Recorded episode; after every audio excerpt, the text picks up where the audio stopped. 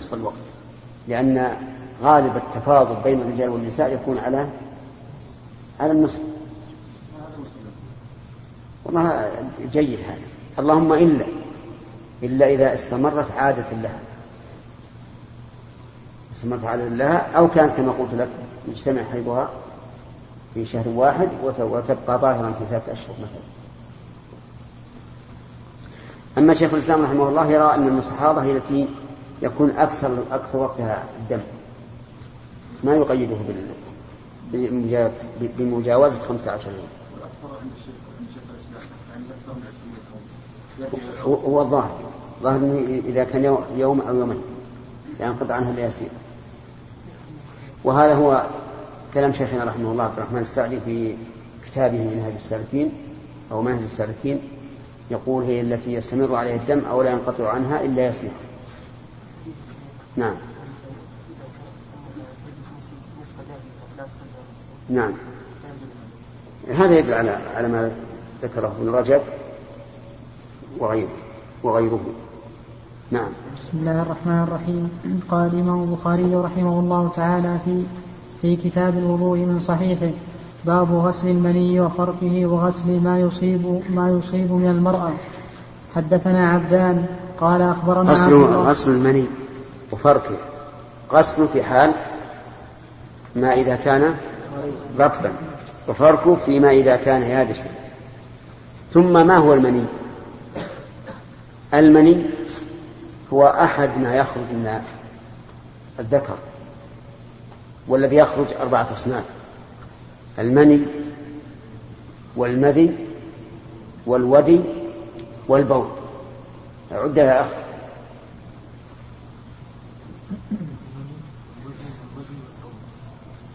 من اللي يتكلم الآن؟ أنت؟ من اللي يتكلم الآن؟ يرفع يده اللي يتكلم أنت لا مو أنت لا. أقصد الأخ أي نعم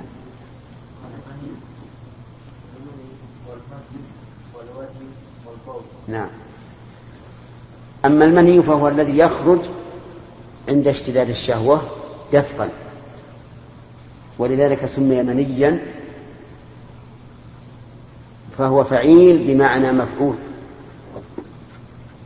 يعني أنه مدفوق يندفق شدة أو بمعنى فاعل لأن فعيلا تأتي بمعنى فاعل كرحيم وتأتي بمعنى مفعول كجريح ولكن القرآن يدل على أنه بمعنى فاعل كما قال تعالى خلق من ماء دافئ. هذا المني لا يجب غسله لكنه أفضل لأن وليس لنجاسته بل لذهاب صورته. في فينظف الثوب منه كما ينظف من المخاط. والحكمة في ذلك أن قوة الحرارة التي بها خرج هذا الماء الدافق لطفته حتى لم يكن نجسا. ورأيت في كتاب بدائع الفوائد وهو يتكلم على طهارة المني ويأتي بأدلة وتعليلات قال إنه جرت مناظرة بين ابن عقيل رحمه الله وبين رجل آخر يقول إن المني نجس. وابن عقيل يقول إن المني طاهر. فقيل له ماذا يعني؟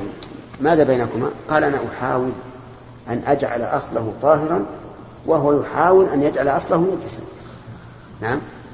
وهذا صحيح. هذا واقع. فالإنسان الحمد لله طاهر وأصله أيضا طاهر. وهذا هو الصحيح. أما المذي فإنه يخرج عقب الشهوة وبدون إحساس إلا في رطوبته فقط. والناس يختلفون فيه. منهم من هو كثير المذي ومنهم المتوسط ومنهم القليل ومنهم المعدل. فقد حدثني بعض الإخوان أنه ما رأى المذي في حياته أبدا. وهو يعني المذي بين البول وبين المني. يعني أن نجاسته مخففة وما يجب من التطهير بسببه أكثر مما يجب من البول. أما كون نجاسته مخففة فقد جاءت السنة بنضحه والنضح أن يصب الماء عليه بدون غسل ولا فرك ولعل الحكمة من ذلك من وجهين. الوجه الأول عدم التخلص منه فيكون في غسله مشقة. كلما أمدى الإنسان ذهب يغسل ثيابه وما لوثه فيه مشقة لا سيما من المذاء. والثاني أنه خرج من الشهوة فخففت غلظه ونجاسته. الثالث نعم وأما كونه يختلف عن عن البول بالتطهير فلأنه يجب فيه غسل الذكر والأنثيين يعني الخصفتين وإن لم يصبهما شيء من البول. وذكر العلماء من فوائد المذي وذكر العلماء من فوائد ذلك أن غسل الذكر والأنثيين يخفف خروج المذي وربما يقطعه بالكلية. وهذه من الفوائد الشرعية والطبية. أما البول فمعروف. وأما الودي فإنه عصارة البول. وهو ماء أبيض رقيق يخرج عند عند انتهاء البول. وربما يستمر مع بعض الناس. ويصير معه كالسلس. فهذه وحكم هذا عن الودي حكمه حكم البول لا يختلف عنه. وقوله رحمه الله وغسل ما يصيب من المرأة. مقتضاه أن رطوبة فرج المرأة نجسة. وهذا أحد القولين في المسألة. وقيل إن رطوبة فرج المرأة ليست بنجسة وهذا هو الصحيح.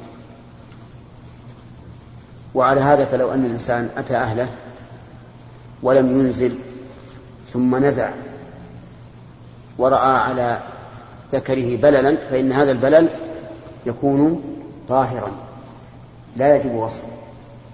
وعلى قول من يرى نجاسة فرج المرأة يقول إنه يجب غسله ويجب ما أصاب الثوب منه. وظاهر كلام البخاري رحمه الله الثاني أو الأول؟ ما هو الثاني؟ وجوب الغسل. ظاهر كلامه رحمه الله وجوب الغسل. وعلى هذا فيكون على رأيه نجسا. لكن صحيح أنه طاهر. كما أشرت لكم من وجهين. الوجه الأول المشقة والوجه الثاني أن الرسول عليه الصلاة والسلام لم يرد عنه أنه أوجب الغسل. غسلها مع أصاب نعم. حدثنا عبدان قال أخبرنا عبد الله قال أخبرنا عمرو بن ميمون الجزري عن سليمان بن يسار عن عائشة قالت كنت أغسل الجنابة من ثوب النبي صلى الله عليه وسلم فيخرج إلى الصلاة وإن بقع الماء في ثوبه. حدثنا قتيبة قال حدثنا يزيد هذا فيه من الفوائد أن المرأة تغسل ثياب الرجل ثياب الزوج. يعني فتخدمه في غسل ثيابه. وهذه المسألة يرى بعض العلماء أنه لا يجب على المرأة أن تخدم زوجها وأنها إن خدمت زوجها فهي من باب التطوع وإلا فلا يجب عليها. وعلى هذا فإذا لم يأتي الزوج بخادم ودخل إلى البيت وقال سوي العشاء فقالت لن أخدمك. سوي العشاء أنت. تلزمه بذلك أو لا؟ نعم تلزمه. تلزمه بذلك. أي على رأي هؤلاء. تلزمه بذلك فتقول إما أن تسوي أنت وإلا اطلع للسوق وجبنا نعم ولا شك أن هذا قول حتى يعني الطبائع البشرية تنفر منه. والصواب في هذا أن الواجب بين الزوجين ما ذكره الله عز وجل حيث قال وعاشروهن بالمعروف فما جرى به العرف فهو الواجب سواء كان من حق الزوج على الزوجة أو من حق الزوجة على الزوج. فمثلا إذا كنا في بلاد لا تخدم النساء أزواجهن في البيوت ولا في الطبخ ولا في الغسل قلنا نعمل بهذا. وإذا كنا في بلاد بالعكس قلنا لا بد أن تلزم الزوجة بما جرت به العادة.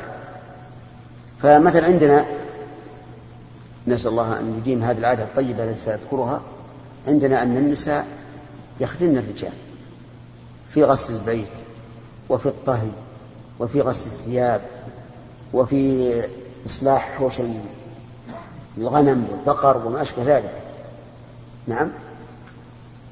فنخشى الآن بسبب التوسع وكثرة الخادمات أن تضرب النساء فيما بعد. وأن تقول سو عشاك بيدك. وسو واغسل البيت أنت. نعم. وهي نائمة على السرير. وهذا رجل مسكين يكن نعم لكن هذا إن شاء الله لن يكون. إن شاء الله نرجو الله أن لا يكون. فنحن نرى كما سمعتم أن الواجب إيش؟ الرجوع إلى العرف. لأن الله أحالنا عليه. قال عاشروهن بالمعروف. وقال في آية أخرى ولهن مثل الذي عليهن بالمعروف. فعليهن ما جرى به العرف ولهن ما جرى به العرف. وهذه عائشة رضي الله عنها تخدم النبي عليه الصلاة والسلام. ومع ذلك كان الرسول صلى الله عليه وسلم أيضا يخدم أهله. كان في مهنة أهله عليه الصلاة والسلام. وكان يخصف نعله. وكان يخيط ثوبه. وقد كان عمل الصحابة على عرفنا اليوم. حتى إن الزبير رضي الله عنه له حائط خارج المدينة. وتحمل امرأته النوى من المدينة إلى حائطه. على رأسها لأن ذلك مما جرى به العرف. فإذا قالوا لعل هذا تبرع وأنها لو شاءت لم تنعت. قلنا نعم هذا وارد لكنه يمنعه أنه أمر مضطرد وأنه لا يمكن أن تلزم النساء بهذا أو يضطرد العرف بهذا دون أن تشعر المرأة بأنه من باب التبرع وليس من باب الواجب. نعم. انتهى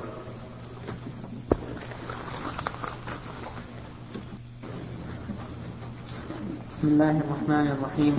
الحمد لله رب العالمين. وصلى الله وسلم على نبينا محمد وعلى آله وصحبه أجمعين. قال الإمام البخاري رحمه الله تعالى في صحيحه في كتاب الوضوء من صحيحه باب غسل المني وفركه وغسل ما يصيب من المرأة. وحدثنا مسدد قال حدثنا عبد الواحد قال حدثنا عمرو بن ميمون عن سليمان بن يسار قال سألت عائشة عن المني يصيب الثوب فقالت كنت أغسله من ثوب رسول الله صلى الله عليه وسلم فيخرج إلى الصلاة وأثر الغسل في ثوبه بقع الماء. باب إذا غسل الجنابة أو غيرها فلم يذهب أثره. حدثنا موسى قال حدثنا عبد الواحد قال حدثنا عمرو بن ميمون قال سألت سليمان بن يسار في الثوب تصيبه الجنابة. قال قالت عائشة كنت أغسله من ثوب رسول الله صلى الله عليه وسلم ثم يخرج إلى الصلاة وأثر الغسل فيه. بقع الماء. حدثنا عمرو بن خالد. قال حدثنا زهير. قال حدثنا عمرو بن ميمون بن مهران عن سليمان بن يسار عن عائشة أنها كانت تغسل المني من ثوب النبي صلى الله عليه وسلم. ثم أراه فيه بقعة أو بقعا هذا هذا الحديث كما تقدم يدل على أن المني طاهر لأن أثر المني يبقى لكنها تغسله غسلا خفيفا ويبقى أثره. وفيه دليل على جواز التصريح بما يستحيا من ذكره إذا دعت الحاجة إليه لأن هذا من بيان الحق. وقد قال الله تبارك وتعالى إن الله لا يستحي وقال تعالى والله لا يستحي من الحق وفيه أيضا ما أشرنا إليه البارحة من أن المرأة تخدم زوجها ولكن ذلك مقيد بماذا؟ بالعرف. أحسن الله إليك. هل في دليل على أن النبي عليه الصلاة والسلام يحتلم؟ لا ما في دليل. لأنها إذا كانت تغسل الجنابة من الثوب. نعم. فالنبي عليه الصلاة والسلام إما أن يجامع أو يحتلم. فإن كان يجامع فلن يصيب الثوب. الرسول أليس أليس يباشر بدون جماع؟ أي نعم. لكنه كان المباشرة يملك إربه أي. المباشرة يخرج منها الشيء. أما الاحتلام فمن خصائص الرسول عليه الصلاة والسلام أنه لا يحتلم. وتفصيل بعض العلماء أحسن الله إليك في أن احتلام النبي عليه الصلاة والسلام ينقسم إلى قسمين. إما احتلام من تلاعب الشيطان فهذا محفوظ منه. نعم. من تلاعب الشيطان. والقسم الثاني أن يكون فيه زيادة من من الماء نعم. فيخرج هذا الزائد. هذا يقع من النبي. لأن العلماء الصحيحين عموما. وأنه لكن مسألة أنه يخرج المني ويكون على ثيابه سهل جدا. ما في إشكال. باب إذا غسل الجناب. باب أطوال الإبل والدواب والغنم ومرابضها. وصلى أبو موسى في دار البريد والسرقين. والبرية إلى جنبه والبرية إلى جنبه. فقال ها هنا وثم سواه وثم وثم فقال ها هنا وثم سواه. حدثنا سليمان بن حرب قال حدثنا حماد بن زيد عن أيوب عن أبي قلابة عن أنس قال قدم أناس من قال قدم أناس من من عكل من عكل أو عرينة فاجتووا المدينة فأمرهم النبي صلى الله عليه وسلم بلقاح وأن يشربوا من أبوالها وألبانها فانطلقوا فلما صح فلما صحوا قتلوا راعي النبي صلى الله عليه وسلم واستاقوا النعم فجاء الخبر في أول النهار فبعث في آثارهم فلما ارتفع النهار جيء بهم فأمر فقطع أيديهم وأرجلهم وسمرت أعينهم وألقوا في الحرة يستسقون فلا يسقون. قال أبو قلابة فهؤلاء سرقوا وقتلوا وكفروا بعد إيمانهم وحاربوا الله ورسوله. حدثنا آدم حدثنا آدم قال حدثنا شعبة قال أخبرنا أبو التياح يزيد بن حميد عن أنس قال كان النبي صلى الله عليه وسلم قبل أن يبنى المسجد قال كان النبي صلى الله عليه وسلم يصلي قبل أن يبنى المسجد في مرابض الغنم. هذا الباب يقول رحمه الله باب أبوال الإبل والدواب والغنم ومرابضها. يعني هل هي نجسة أو لا؟ ثم استدل رحمه الله لطهارة الإبل لطهارة أبوال الإبل بأن النبي صلى الله عليه وسلم أمر هؤلاء الرهط من عكل أو عرينة وإنما قال أو عرينة ليس للشك بل لأنهم من هؤلاء وهؤلاء. فأو هنا بمعنى بمعنى الواو. طيب يقول ووجه الدلالة واضح. أن الرسول صلى الله عليه وسلم أمرهم أن يشربوا من أبوالها وألبانها ولم يأمرهم بغسل ما أصابهم من هذه الأبوال. ولو كانت الأبوال نجسة لكانت الحاجة داعية إلى أن يبين ذلك لهم. فهل يقاس عليها بقية الدواب؟ يقال في ذلك تفصيل. أما الدواب المأكولة فتقاس عليها. إذ لا فرق. وأما الدواب غير المأكولة فلا تقاس. مثل الحمار الكلب الهر وغير ذلك. كل ما لا يؤكل لحمه فبوله وروثه نجس. وقول فيكون قول البخاري والدواب يعني التي تؤكل. نعم. قال والغنم واضح. أن أبوال الغنم طاهرة ومرابضها يعني ما تربض فيه والذي تربط فيه الدواب في الغالب يكون فيه بول وروث. فهل ما تربط فيه نجس؟ الجواب لا ليس بنجس. حتى معاطن الإبل ليست بنجسة. لكن قد نهي عن الصلاة في معاطن الإبل لسبب غير النجاسة وهي أن الإبل خلقت من الشياطين. خلقت من الشياطين. والشياطين تألفها. ويقال إنها تأوي إلى معاطنها فلهذا نهي عن الصلاة في معاطن الإبل لا لنجاستها ولكن؟ لأن الشياطين تأوي إلى المعاطن. ثم المعاطن ليست كالمرابض التي تربض فيها الليلة ثم تغادر. هذا لا يسمى عطنا.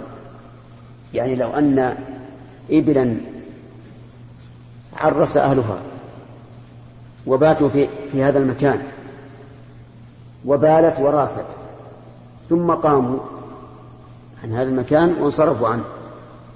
فهل تجوز الصلاة في هذه في هذه المرابط؟ نعم لأنها ليست معاطن المعاطن قال بعض العلماء هي ما تقيم فيه وتأوي إليه.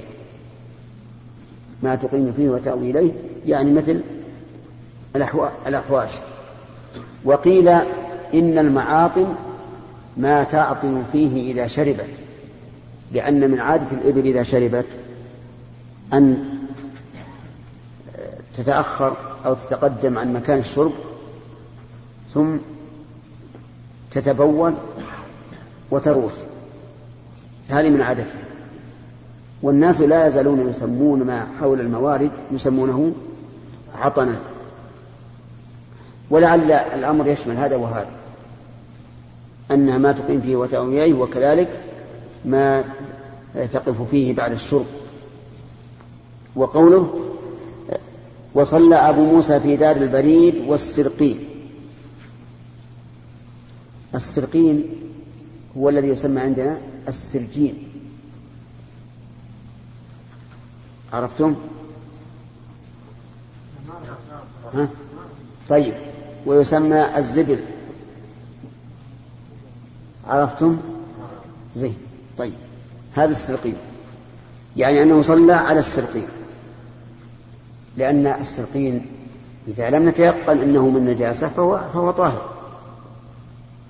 لكن قوله في دار البريد ما أدري لماذا ذكرها في الشرح. إيش يقول؟ كلمة أو كلمتين ما ها؟ لا لكن وش وجه الإشكال فيها؟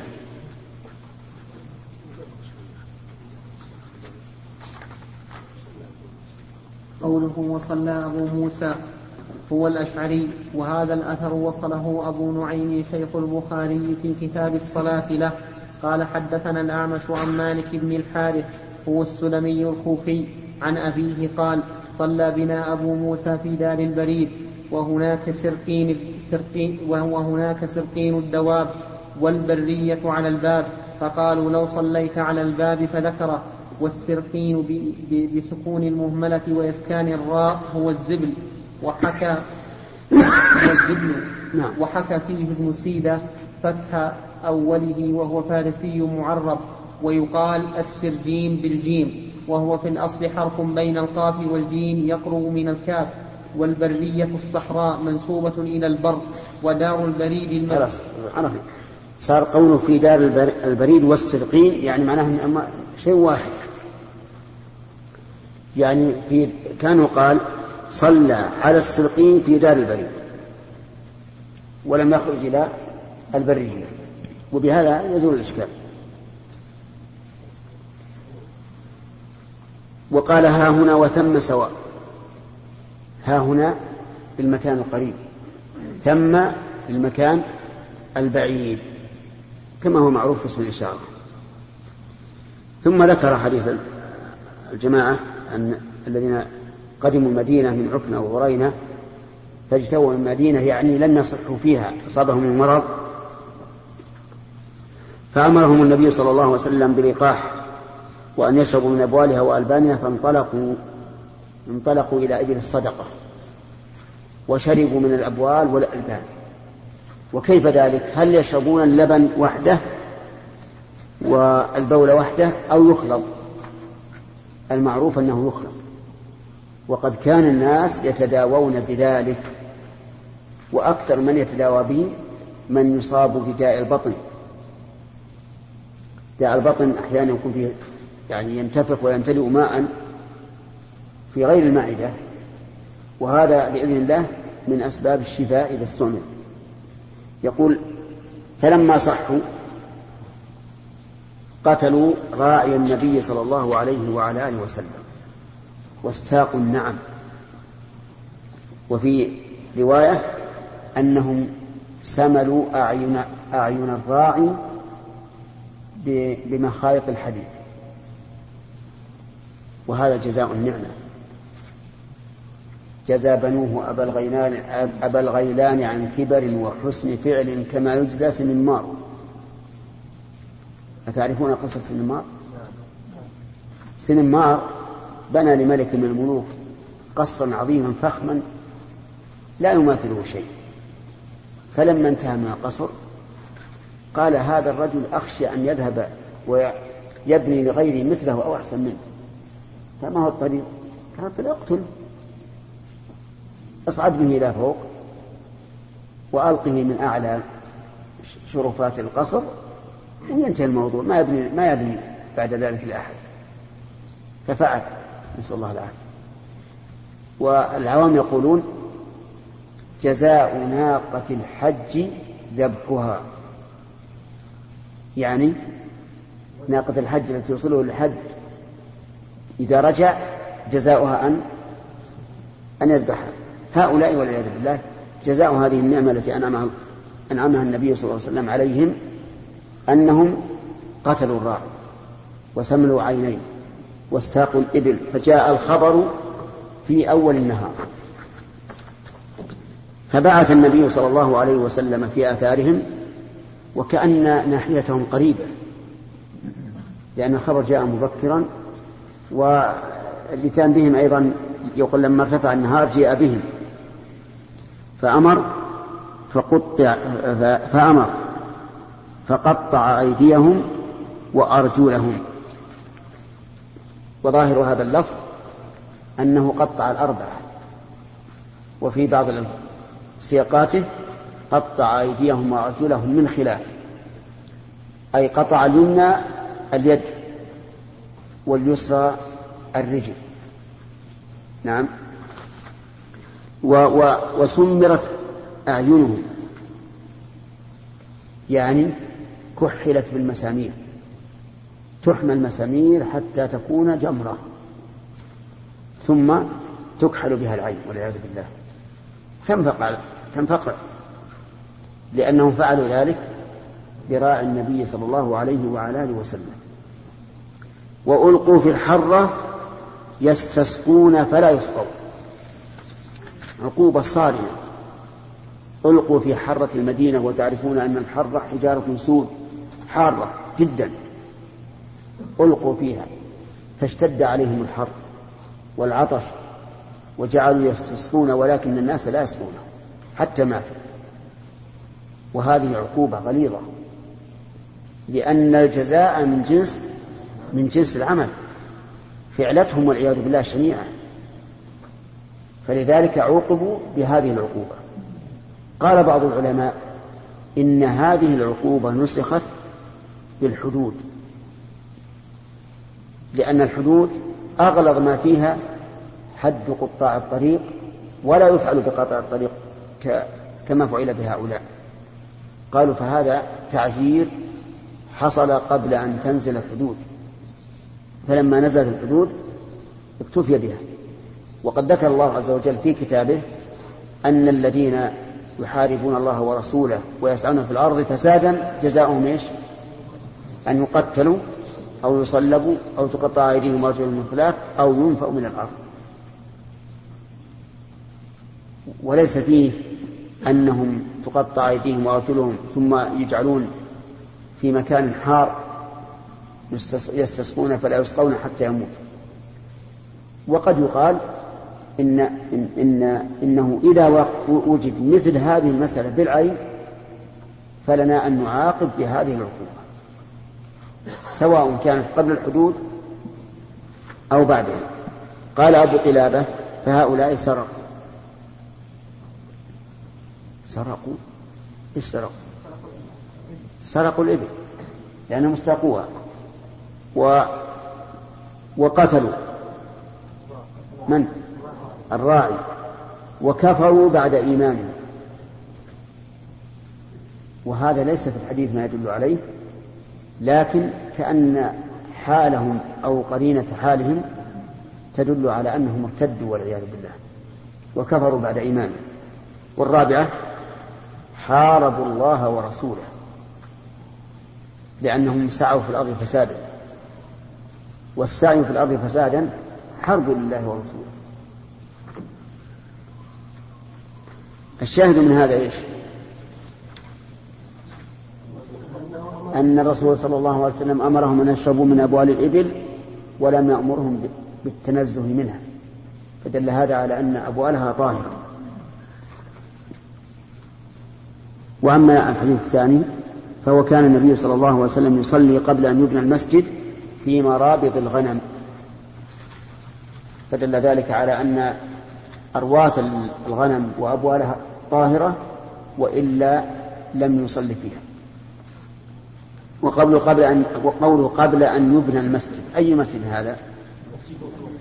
مسجد الرسول عليه الصلاة والسلام المسجد النبوي لأن النبي صلى الله عليه وعلى آله وسلم قدم المدينة وأول ما سعى أن بنى المسجد. وكان فيه قبور المشركين نبشها وطهر المكان منها ثم بناه.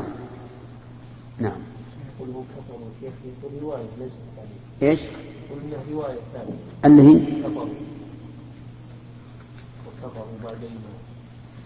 رواية؟ وليست موقوفة على أي كيف يقول؟ وش وش يقول؟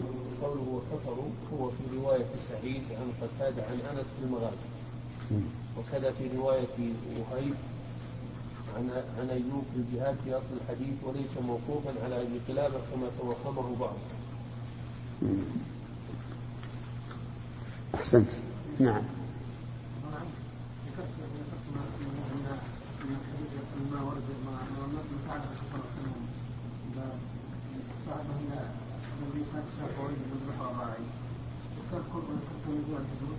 قبل قبل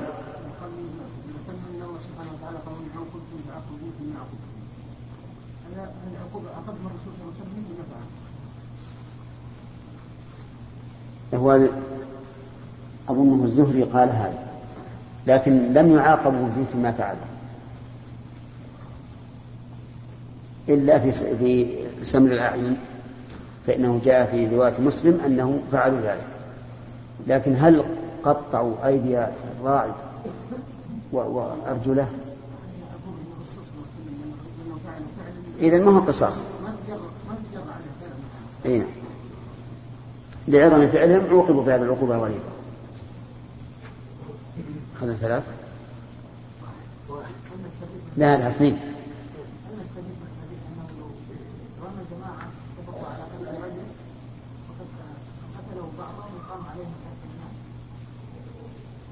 إي نعم. يستفاد من هذا الحديث أن الجماعة إذا اتفقوا وإن لم يباشروا الفعل كلهم فانهم فإن الحكم فيهم واحد. ولهذا قال الفقهاء رحمهم الله يقتل الجماعة بالواحد. بأحد أمرين. ما هما إذا تمالأوا على ذلك أو صلح فعل كل واحد لقتله. فإنهم تقتل الجماعة بالواحد. فاهمين يا منصور؟ إذا تمالأوا وإن لم يباشر الباقون القتل. الثاني أو صلح فعل كل واحد لقتله وإن لم يعلم كل واحد بالآخر. مثل أن يكون اثنان حذف شخصا بحجارة قاتلة لكن بدون أن يعلم كل واحد منهم بالآخر منهما بالآخر. إنما كل واحد منهم قاتلة يعني رمته قاتل فهنا يقتل الرجلان. أو تمالأوا وإن لم يباشر الآخر فإنهم يقتلون. لو قال أحدهما للآخر اذهب بنا نقتل فلان. فذهب وقتله فإنهما يقتلان وإن كان المباشر للقتل أحدهما. وكذلك الردء الذي يكون عينا للقتلة. وش معنى عينا لهم؟ يعني يرقب المكان. لا يأتي أحد فإنه يقتل. فالقاعدة إذن أنه يقتل تقتل الجماعة بالواحد إذا تمالوا على ذلك أو صلح فعل كل واحد للقتل. فإن لم يصلح فعل كل واحد للقتل ولا تمالؤ فإن كل واحد منهم يعاقب بما يقتضيه فعله. ولهذا قالوا قال العلماء يعني لو أن رجلا أمسك شخصا فقتله آخر فإنه يقتل القاتل ويحبس الممسك حتى يموت. لأن الممسك ما قتل ولا مال. نقف على باب ما يقع من الجسد. أثر الزهري في انتشار عظام الفيل. شرح. ها؟ الزهري في عظام الموتى. أدركت ناسا من سلف العلماء ينتشرون بها ويدهنون ويدهنون فيها.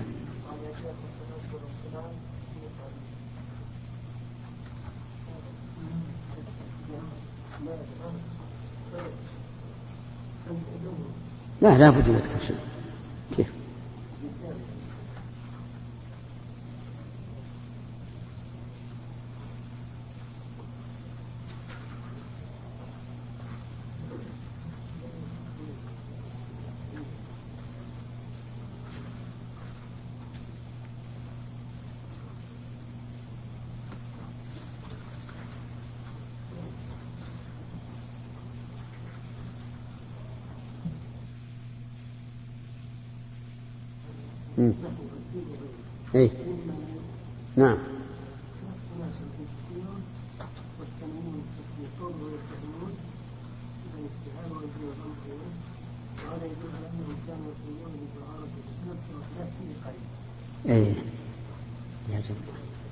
يمكن في مبحث الباب.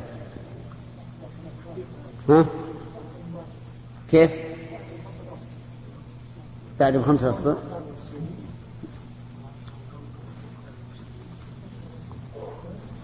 وقال مسلم إبراهيم لا بأس بتسيئة العاج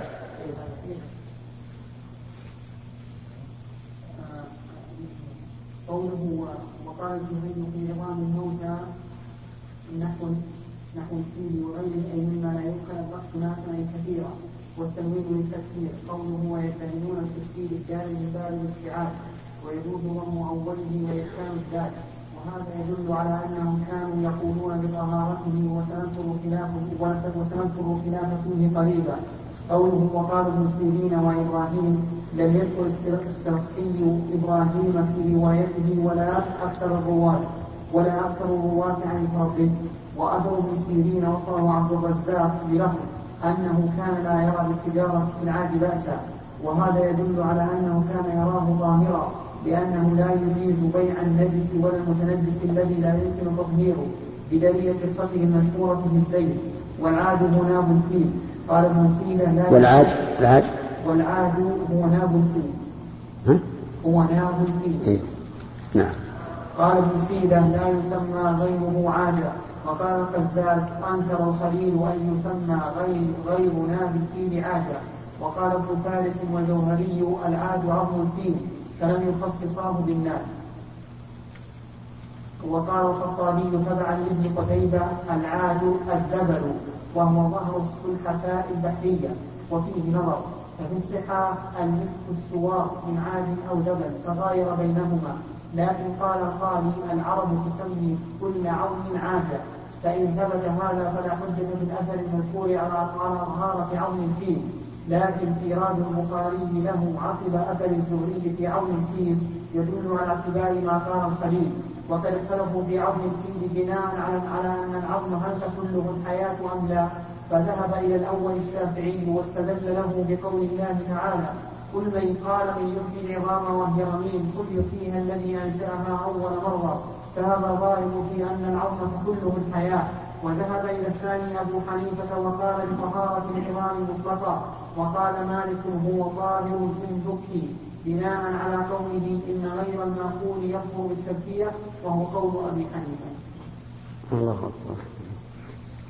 لا الصواب أن يقال في العظم إنه لا يكون فيه الدم الذي هو أصل النجاسة وأما الحياة فهي تحل لا شك والدليل على هذا أنك لو لو بردت السن بمبرد أحسست بالألم أليس كذلك؟ إذا فالحياة تحله وما استدل به الشافعي رحمه الله من قوله تعالى قال من يحيي العظام وهي رميم على أن على أن العظم تحل الحياة صحيح لكن نحن لا, لا, لا نجعل العبرة هي حلول الحياة. العبرة هو إيش الدم والدليل على هذا أن أكثر الفقهاء إن لم يكن كل الفقهاء يقولون إن ما لا نفس له سائلة فهو فميتته طاهرة لأنه ليس له نفس سائلة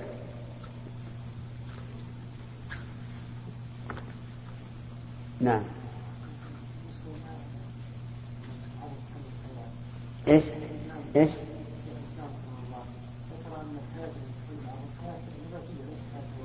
نعم. والله على كل حال سواء نباتية أو حياتية هو هو يتألم الإنسان به. لو كسر لتألم ولو برد لتألم. وهذا شيء مشاهد. حتى نفس العظم فيه ثق في وسطه يعني مجوف في وسطه نفس السن قصدي.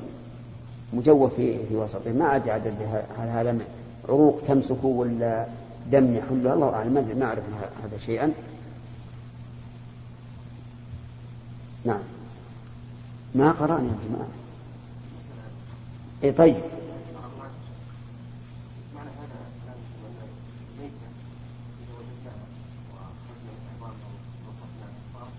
صارت العظام طاهرة. اي نعم. وهذا وهذا اختيار شيخ الإسلام ابن تيمية رحمه الله. ويستدل أيضا بعموم إنما حرم من الميتة أكلها. في الموتى اي انه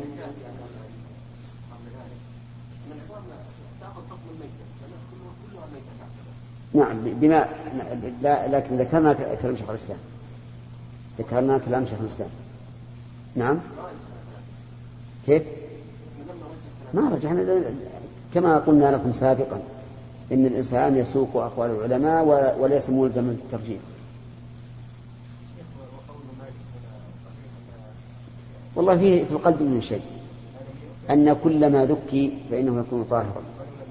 ولو لا يكره ولو لم يكره لكن مالك رحمه الله يتوسع كثيرا في حل الحيوانات. حتى إن الكلب ذكر عنه فيه روايتان. الكراهة وأظن التحريم. هو يتوسع رحمه الله. والحق ما دل عليه الكتاب والسنة. نعم. بسم الله الرحمن الرحيم. الحمد لله رب العالمين وصلى الله وسلم على نبينا محمد وعلى آله وصحبه أجمعين. قال الإمام البخاري رحمه الله تعالى في كتاب الوضوء من صحيحه. في باب ما يقع من النجاسات في السم والماء حدثنا أحمد بن محمد قال أخبرنا عبد الله قال أخبرنا معمر عن همام بن منبه عن أبي هريرة عن النبي صلى الله عليه وسلم قال كل كلب يكلمه كل كلب يكلمه المسلم في سبيل الله يكون يوم القيامة كهيئتها إذا إذ طعمت يكون يوم القيامة كهيئتها إذ يتنزل لنا اللون لون الدم والعرف عرف المسك الله أكبر. وجه المناسبة هنا أن الدم له رائحة. ولهذا قال العرف يعني رائحته عرف المسك. وعلى هذا فإذا وقع في شيء وتغير رائحته بالدم صار نجسا. هذا ما يظهر لي من إيراد البخاري هذا الحديث. ولعل الشيخ الشارح يبين وجه إدخالي في هذا الباب.